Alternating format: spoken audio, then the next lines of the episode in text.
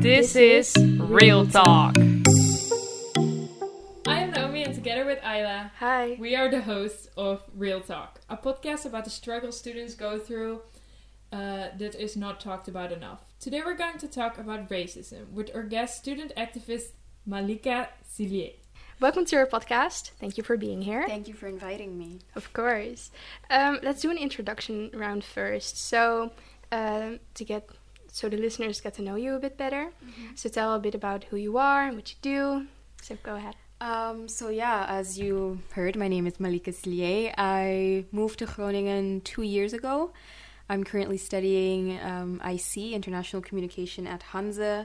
I'm in my second year. Um, and yeah, I'm really involved in anti-racism especially. Um, for the past year and a half, I've been getting more and more involved, educating myself more, and um, yeah, it's just kind of um, grown to become something that I'm very invested and dedicated in. Yeah. So, um, what ex- exactly do you do on the topic of racism? So, can you maybe talk a bit about what you've done and what you're doing now? Um, so I have been educating myself a lot. I've been reading books, watching movies, documentaries, listening to podcasts, but I joined the Groningen Feminist Network earlier this year. I think it was in March. And that sort of gave me a platform to share the knowledge that I have and that I've acquired. And I was involved in organizing the Black Lives Matter protest that was in Groningen in June. I also was involved in, um, well, I didn't start a petition, but I was involved in having a meeting with the executive board of Hanze um, about anti racism within the university. And I also recently opened a blog, which I am really trying to keep up because I feel like I've always had a lot to say and I also enjoy writing and I thought it would be a great place to sort of put it all into one kind of space. I've done more things. I've had educational meetings about anti-racism. I have had uh, I'm also part of Kick Out Zwarte Piet Groningen now. Um, but I think that's kind of the gist of it. Um, so, you're an activist, Yes. and you've done a lot of things. How did it all start? When did you decide to really do something about this? I think um, I grew up in Curacao, so the majority of the population there is black. But now that I have moved here, I can also see a lot of internalized racism there. But the thing is, after moving here uh, two years ago, it kind of just immediately hit me in the face how racialized society is. Because as soon as you become the other, you notice everything. And that made me really start to question my own internal biases because after I moved here, I was very self conscious being in public. I felt like my hair was always super dry and ugly, for example, compared to everybody else. I felt very uncomfortable and I really spent time to unravel those that internalized racism that I had and after that it just sort of I just sort of kept wanting to educate myself. I kept seeing all of these things going on around me that was wrong, that I thought needs to be improved, definitely. And I felt like if there is anything I could do, I would want to do it. And right now I'm at a point where I don't feel like I can ignore things anymore. You're studying international communication. Yes. So are we. and uh, what role did uh, Hanze play in your view on racism? Because you got here two years ago, Mm-hmm. and uh, then you got in a totally different country. But here at the Hanze, how did that change?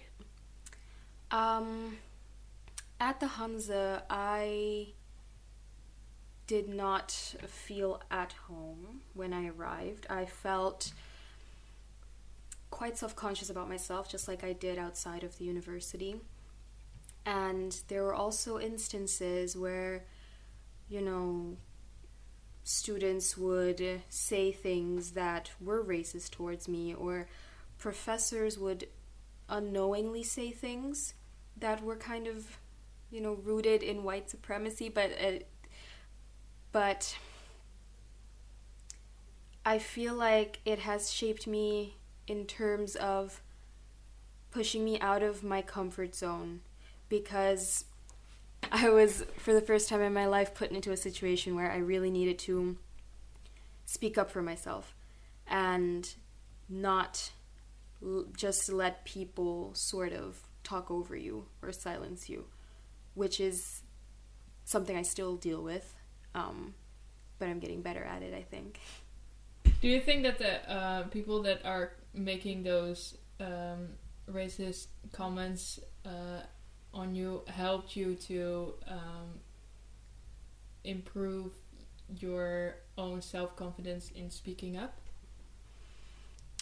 Mm, I wouldn't say it helped me, but it definitely put a lot of pressure to get there. And it's it would be great if that pressure wasn't there, or if it was from a different source, obviously. Um, but it definitely was one of the things that sort of pushed me to say that I can't let people just keep talking over me or saying these things to me. I need to have my own boundaries. But yeah, I think it it was one of the things that pushed me. So yeah, um, before the summer or during the summer actually, uh, you already talked a bit about that, like the um, everything that happened with the Black Lives Matter Black Lives Matter movement in the Groningen too.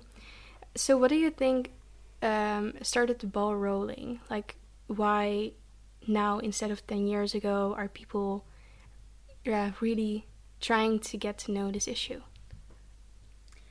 I think what started the ball rolling thing is the Netherlands has its own deal of institutional racism. We don't need like outside forces to get the ball rolling, but I think what happened with George Floyd started honestly a global kind of it sparked this global anger amongst black people and I feel like that really ended up sort of pushing it to the Netherlands as well, but I really did not want it to just focus on the United States because I feel like a lot of people have the same sort of argument. You know, why are we wasting our time with other countries? You know, why are we having all these protests for people who died in another country? But institutional racism is so common in the Netherlands, and I feel like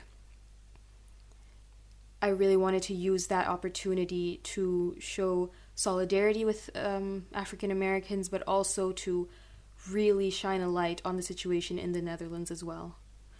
And in the middle of the Black Lives Matter, like the wave of Black Lives Matter protests in the Netherlands, I don't know if you were also following the law that was about to be passed by the Senate. Uh, I don't think I've noticed that. I started a petition against this law, which could have been passed before the summer, which would have granted um, more immunity to police officers in the Netherlands, would have made it harder to prosecute them, hold them accountable, and would have made them able to uh, use rubber bullets and taser guns within every single arrest.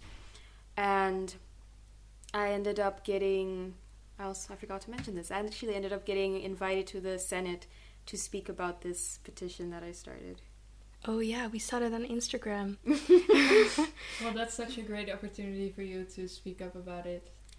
Yes, definitely. Did it change something? I mean, do you feel like you like it did something? you going there? um, well, I wasn't the only one who started a petition. There were many other organizations and people who sent mass emails and started petitions and everything, but I feel like right now they postponed it. They postponed the decision which will be made. I am extremely cautious with being hopeful um, about governments and corporations and institutions actually changing their actions. But I feel like uh, making sure that it was postponed and having them know that the public is watching them and having the public put pressure on them was valuable so that they at least know that it won't happen without resistance. And you have had a conversation so high up, but also here uh, at the Hanze, we saw uh, you had a conversation with the executive board. Um, can you maybe tell us a bit about how that started and how you got to talk with them? Yes, it's a bit of a long story, but I will shorten it as much as I can. Um, uh, after the Black Lives Matter protest and everything going on, I sort of started wondering what Hanze was going to do because I started seeing other universities sort of make statements, even if they didn't make any promises to change anything. They would make a statement. Even if it was empty, it was still out there. and I realized that Hanze didn't really make a proper statement. And I ended up emailing them and requesting, like, you know, what are the actions that are going to be taken to ensure that black students within the Hanze are taken care of from now on, basically. And I sort of gave them information about my experience, etc. And I didn't really receive an answer um, for a while. And then one day I was on Facebook and I saw that uh, somebody posted this petition. Uh, somebody from IC posted the petition to Hanze to really take a stance in against racism, basically. And I wasn't going to get really involved. I wasn't involved in the creation of the petition. But I saw the comments on the Facebook post and I was really, really disappointed, but not really surprised that there were representatives of Hanze and even a professor at Hanze that had really dismissive and ridiculing reactions almost and accusing us of attention seeking. So I was really disappointed in that and I contacted the person who posted the petition telling them that if they need help with anything, I would be open to help them out. So then they received an email of the people from Hanze who wanted to have a meeting. Why? I'm not going to say why. I don't know if it was just uh, as a public, um, you know, to save face, Mm-hmm. as a way to save their image, or as a way to actually implement change. I don't know what the purpose, the initial purpose was of the meeting, but they ended up asking me if I could go with one other person, and that's how we ended up there at the meeting with the vice president of the executive board. What did you talk about? I mean, how did it, how did that go? It went. Actually, it did not go bad. It went relatively well. Um, we talked a lot about our experiences, the experiences of other people that people have shared with us, and we told them what we think could be implemented. Ideas and yeah strategies i guess that they could use. Um, they seemed quite res- receptive and responsive to our ideas and told us that we would have a follow-up meeting with them which i th- they actually reached out to us recently about. And i'm not um, praising anything yet because nothing has been implemented yet and i'm just saying that i really was um, i was satisfied with how the meeting went and how it was a respectful kind of interaction between everybody Do you think that Hanze will definitely take a step, like some kind of step, even if it's a small thing, against racism? Or do you think this is just that meeting would just be good for their PR, for example? I think the fact that they reached out um, is a good sign. I think it is likely that something will be implemented, is how I feel. I'm not hopeful again, but I think it is quite likely. Do I think the Hanze would ever come out and really say they are anti racist or against white supremacy? No, because at the end of the day, it is well, it is a University. a university, um, like you know, a business. so I don't expect that. But if they would at least change things behind the scenes, making sure that students are of color feel more comfortable, don't have to experience microaggressions from professors, have a student counselor that they can actually express themselves to that actually understand them, then I already see that as a, a decent step. What are some of the um, uh, things you told him like this? You could change this. What were some of the ideas? Um, some of the things I said, like um, trainings for student counselors, trainings for professors, but also I think actually it, it would be quite useful to take a look at the curriculum because you're also IC students. You know, our study is very much focused on cultural perspectives and all of these things, but our our books are written by Western academics. And it would be really useful, not just for sake of diversity or whatever, but it would just be useful for us to get Asian perspectives or African perspectives or Latin American perspectives when learning about these cultures. Um, so, yeah, things like this. And the thing about the student counselor is because actually, the thing with these trainings is that I think it's much more important to prevent these incidences from happening instead of saying, oh, when this happens, talk to your academic counselor. I really feel like university should be a place that you can go and feel comfortable to learn, not a place where you have to go and feel like you have to defend yourself or be looking out for the next thing, basically.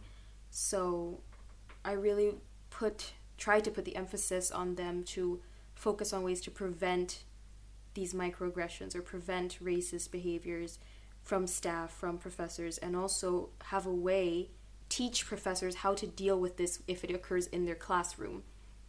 You know, if there is a student saying blatantly racist things, you can't just brush it off and say it's a difference of opinion within a classroom.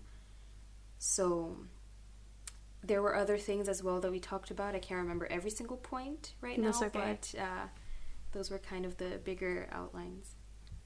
What's your plan for the future? What what do you want to do more? What are your ambitions in that? Um, one thing I've noticed the past few weeks is that my activism is has really been focused on educating and calling out white people to take action, which is necessary. But I would really love to also make space for community work within black communities. And honestly just like a communal self-care and empowerment i really feel like that is lacking especially after everything. I joined a bipoc empowerment workshop uh, two weeks ago and every single person was talking about how they are really really drained of everything that has been happening and how they don't know how to deal with these things anymore and I feel like having a space that fosters that connection, that fosters that sort of healing, is also part of activism and it's also part of resistance.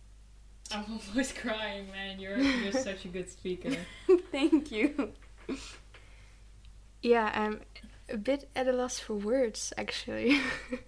It's Yeah. just it's just so weird. Like we were talking about it um, this afternoon. Like I, I don't I can, like I can only imagine it. I I have never felt any racism, and then Mhm. because you're not involved, you unconsciously are not really looking into it. Mm-hmm. But then on the other hand, you really want to do something about it. Like Mhm. I I want this to be gone. But then for me, it's I feel like it's harder to make the step to really do something. And then I'm sometimes I'm just se- telling myself like you should do something. Like if you want to Mhm. avoid it or just clear it of this world, then go to those protests or read into it. And sometimes I, I blame myself for not really doing something. And I feel like so, more let's call it I don't know like white I don't know which word to use right now but those people that want to do something but don't know how it feels they do not take You mean allies? yes you do not take action Mm-hmm. I- although they want it Yeah, I feel like it's really important for people to remember that you don't have to be an activist, that a lot of work is also done within ourselves and just doing the unlearning and you know of everything that we've been taught early on. And those actions that you take throughout your daily life um, can really shape the future as well who do you vote for? What who do you follow on social media? What do you share? What do you talk about? Do you try to educate the people within your immediate circles you know? Those are also valuable actions. And i feel like one thing that a lot of people have been um, struggling with at least the white people that i have in my life um, a few of them have been telling me how frustrating it is and how you know they want it to be gone like you said. Um, but it's really really a marathon instead of a sprint. And i think adjusting that mentality to you know i admit and to myself that i will likely not be alive by the time that you know racial equality might be achieved.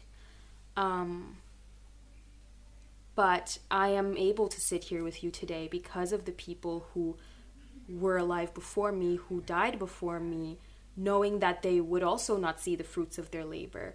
And now I am sitting in the shadows of the trees that they planted, basically. so it's really, it's really, uh, I agree that it's frustrating because I keep seeing these things happening. I keep seeing um, BIPOC communities being brutalized by police and all of these things and those are not things that can wait. You know i also have this sort of feeling of this needs to stop now. But that will definitely lead to honestly a burnout i feel like.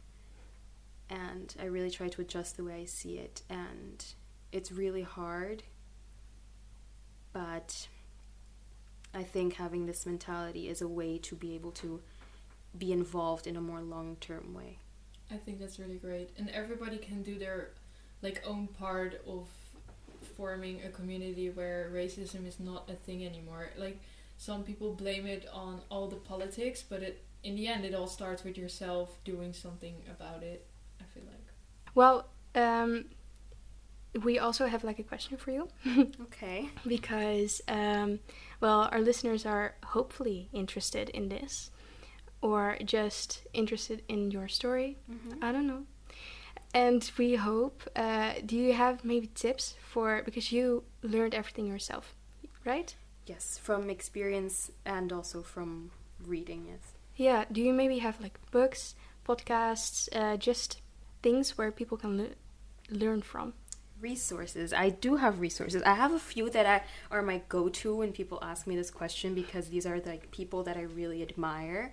Um, there's this woman who's an anti racist educator called Monique Melton.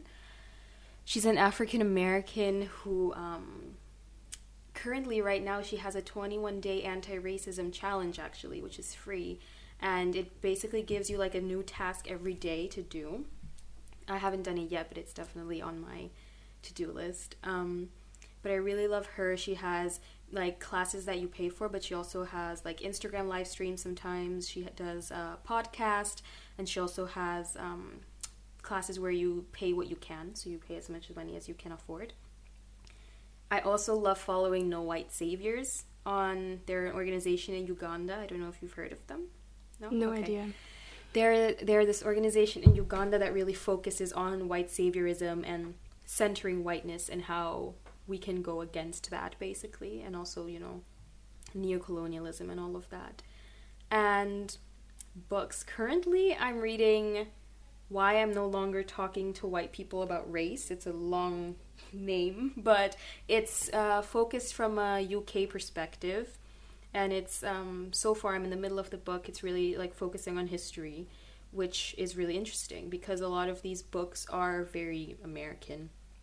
And so I really am enjoying reading that. And then I'm also going to be reading White Fragility soon, which I heard can be used really greatly for self reflection and recognizing your own inner biases.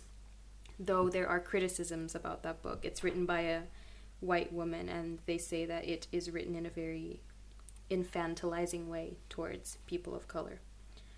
Um, but yeah, I'm always sharing resources on my Instagram. so, I mean, your listeners can follow me if they want. And I share, like, honestly, I share resources every day that I find. So, Yeah, and your blog might be interesting for the listeners as well. Yeah, yes, we'll I have it in links. my, um, it's in my Instagram um, bio, the link to my blog. Uh, so yeah, we. This was actually all the questions we had. Yeah. So- do you have anything more to share, or that you want the listeners to know, or Hmm. Or you just want to be out there. Um, I don't know. I'm honestly also just figuring out the position that I want to have within this conversation, within this whole issue. And I feel like people need to realize that, yes, making mistakes is harsh. But if you don't do this work and you don't make mistakes and then hold yourself accountable and move forward, you will be stuck in the same place and we will all be stuck in the same place as a society. So to really try to move forward without that fear and without the expectation of getting it perfect and also without the expectation of if I do this for a few weeks I will see change. And also it's really important to really look within ourselves and question why it is why we are doing what it is we are doing because if you are engaging in anti-racism work as for any reason other than the total liberation of people of color it will cause harm to those communities so you really need to look within yourself thank you So thank you again for being here. This was so so great. thank you a lot for asking me to do it want to tell us a story? You can send an email to naomi at vanderpam.nl and maybe we will invite your story to a future podcast.